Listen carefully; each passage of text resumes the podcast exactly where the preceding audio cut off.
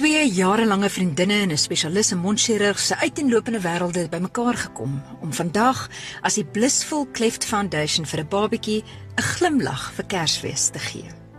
Andrea dos Santos, Susan de Beer en Dr. Sharan Naidu is die direkteure en stigters van hierdie nuwensgewende organisasie wat nie net fondse insamel vir operasies nie, maar ook waardevolle bewusmaking doen rondom gesplete lippe en verhemeltes.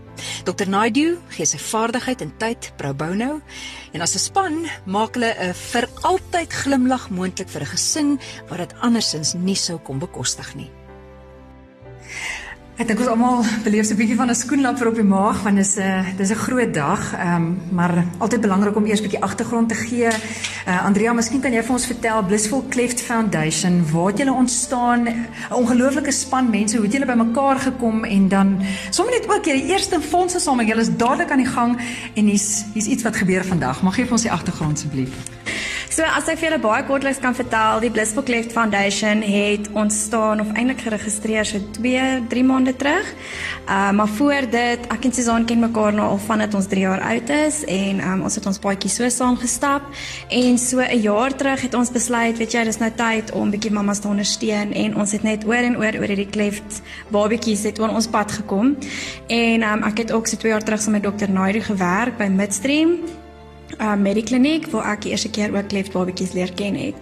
So het ons harte oopgemaak vir hulle en ek en Susan het 'n virtual run gedoen vir kleft babatjies wat ons so um, genoeg geld ingesamel het vir so 40 boksies.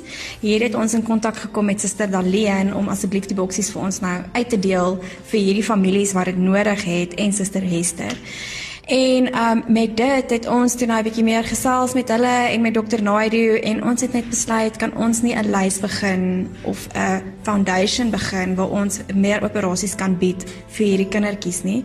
En um ewe skielik het almal jump on board, so mens yeah. nou so kan sê yeah. Ja. en het besluit, yes, let's do this en ons het die 24 Augustus ons NGO geregistreer. Die 23 September het ons ons heel eerste fonds insameling gedoen vir die fondasie, um, waar ons 'n golfdag gehou het en daar het ons genoeg geldjies ingesamel om nou hierdie operasie wat ons nou vandag aan aan gaan kondig te doen. En um, ons is baie opgewonde daaroor. En ja, ons is ons is bietjie senuweeagtig, ja. maar um, ons is verskriklik opgewonde om vir hierdie gesin hierdie geskenk te kan gee net voor Kersfees. Dis is almal lag nou almal oor die oor die bietjie van 'n skoenlappers, maar dit maar dit is groot as 'n ou sien hoe vinnig die dinge in plek geval het en ek dink ook 'n opgewondenheid om vandag hierdie gesin te kan help. Maar maar skets miskien vir ons net eers Die probleem landwyd in Suid-Afrika, hoeveel babatjies jaarliks gebore word, ehm um, want dan besef 'n ou ook hoe lank daai lys is wat Andrea nou van gepraat het en en moontlik hoe ver in die lys af hierdie gesin wag vir hulle beurt. Hoe lyk die die gevalle wat aangemeld word elke jaar? Ja, Lindy, die um, gevalle daar word omtrent so 20000 babatjies met 'n cleft lip of padet of met albei gebore per jaar in Suid-Afrika. So ja, die lys is lank en die mense wag lank um, om gehelp te word by die staat. So ons het net gevoel ons moet daar ingryp en help vir ons kan um, om hierdie babatjies te help. Ja. Suster Dalian, hier is hier die mediese kenner ook saam met ons. As hierdie babatjie, maar net oor die algemeen as 'n babatjie lank moet wag vir so 'n operasie, wat Wat kon moontlike gevolge wees as as hy 'n jaar of 2 of hoe lank ook al moet wag? En miskien kan jy vir ons so 'n idee gee van as hierdie ouers op die lys is uh, moet wag by 'n staatshospitaal, min of meer hoe lank is daai wagtydperk en dan die gevolge? Ja, Lindy, die wagtydperk by die staatshospitale is plus minus 'n jaar na 2 jaar toe. En wanneer hierdie baba so lank moet wag vir die operasie wat ook nou in 'n uh, COVID tyd gebeur het, het die, die waglys eintlik nog langer gemaak. Uh, wat dan gebeur is hierdie baba se lip uh, sluiting, daar's nie 'n ordentlike lipseël wanneer die babatjie suig nie en wanneer die babatjie voed nie. So voeding kan daaronder lê. Sekere klankies word gemaak deur die lipspiere, so die die spraakontwikkeling kan daaronder lê. En dan wanneer die sagte vleemel te lank uh, nie gesluit word nie, kan dit ook uh, die spraakontwikkeling beïnvloed omdat in die sagte vleemelte is daar spiere waarmee die baba moet suig en ook met praat. Met ander woorde weer eens die voeding, die kan daaronder lê en dan ook die spraakontwikkeling kan daaronder lê. Nou kry hulle aansoeke. En ehm um, mens sit met woorde op papier, maar jy besef dis 'n gesin se lewe waarmee jy werk. En ehm um, Vertel vir ons 'n bietjie van die agtergrond. Ek weet nie wie wil vir ons antwoord nie. Ehm um, Andrea net net die spesifieke gesin, ons gaan ons gaan hulle nou gaan ontmoet. Hulle hulle weet nie wat voor lê nie, maar hoekom hulle aan julle harte geraak het en dan nou vandag hierdie operasie gaan kry. Lindy, ek wil eintlik vir jou sê ek het vir Susan gebel toe ons eers die aansoeke begin kry het en ek sê vir haar ek weet nie ons hierdie gaan doen nie, want jy wil regtig elke liewe gesin wat jy sien wil jy help. Maar ek moet vir jou sê ons het saam gesit as 'n paneel en jy gaan maar deur die tipe operasie wat benodig word, die finansiële agtergrond en dan maak jy besluit um met dit. So hierdie gesinnetjie wag nou ook al 'n rukkie vir hulle operasie, finansiëel nie um sterk genoeg om dit te kan bekostig nie en dan ook het hulle ander drie drie ander kinders by die huis om voor te sorg. So ek dink hierdie storie het regtig aan ons harte geraak en ons is ongelooflik opgewonde om vir hierdie operasie te kan doen. Uh Susan, dalk net voordat ons nou hier uitgaan, ons gaan nou oor die straat gaan en ons gaan by Stefnies gaan ontmoet by die koffiewinkel. Wat wat weet die ouers van vanoggend? Hulle um dink hulle is op 'n kort lys um van kandidaate wat gekies word. En hierdie is nou net die laaste onderhoud, wil ek sê, nie heeltemal onderhoud nie, maar net laat ons net met hulle kan ontmoet en gesels oor wat presies hulle situasie is. So hulle weet nog glad nie dat hulle die gekiesde familie is nie. So ja, dit is die groot verrassing ja. vandag. okay, so nou met hierdie skoenlappertjies wat ons steeds in ons almal se magies draai, ehm um, gaan uh, hierdie drie nou oorstap. Hulle gaan so lank by die koffietafel gaan wag en ehm um, dan gaan ons span van Groot FM sommer saam stap.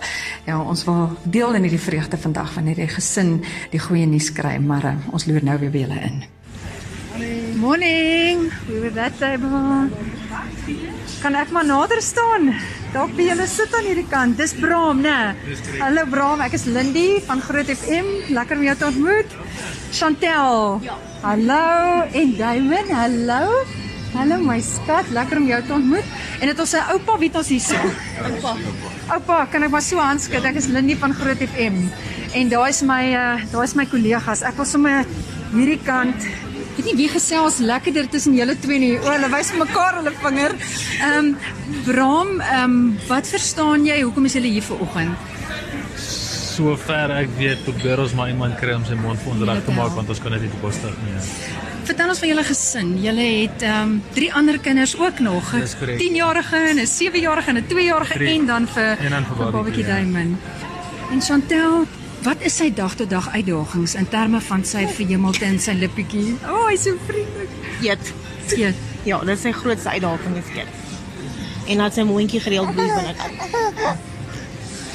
Ehm um, ons het gehoor van julle gesin by Groot FM en uh, deur Susan en Andrea wat ons vertel het en um, ons vriende van Spar wil graag vir julle so 'n geskenkkaart gee van R1000 en ehm um, hier's Diamond se leeu Daai's joune boeta. Jy mag dit omspeel.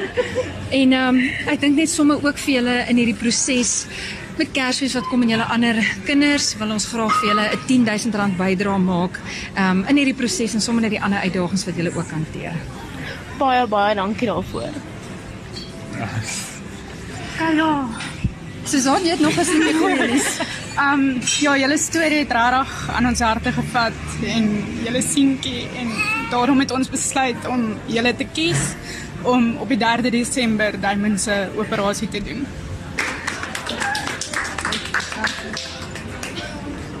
Baie baie dankie. Ons waardeer dit opreg. Ons het nie woorde nie. Ons is baie dankbaar saam met julle en ons bid die Here se seën oor hierdie pragtige seentjie Diamond en dat alles met die operasie goed sal afloop en dat hy lekker sal kan eet en bietjie makliker sal kan eet. En uh sommer net seën ook oor julle ander drie kinders en julle hele gesin. Ja, Boeta. Mag dit met julle baie goed gaan, hoor. Baie baie dankie.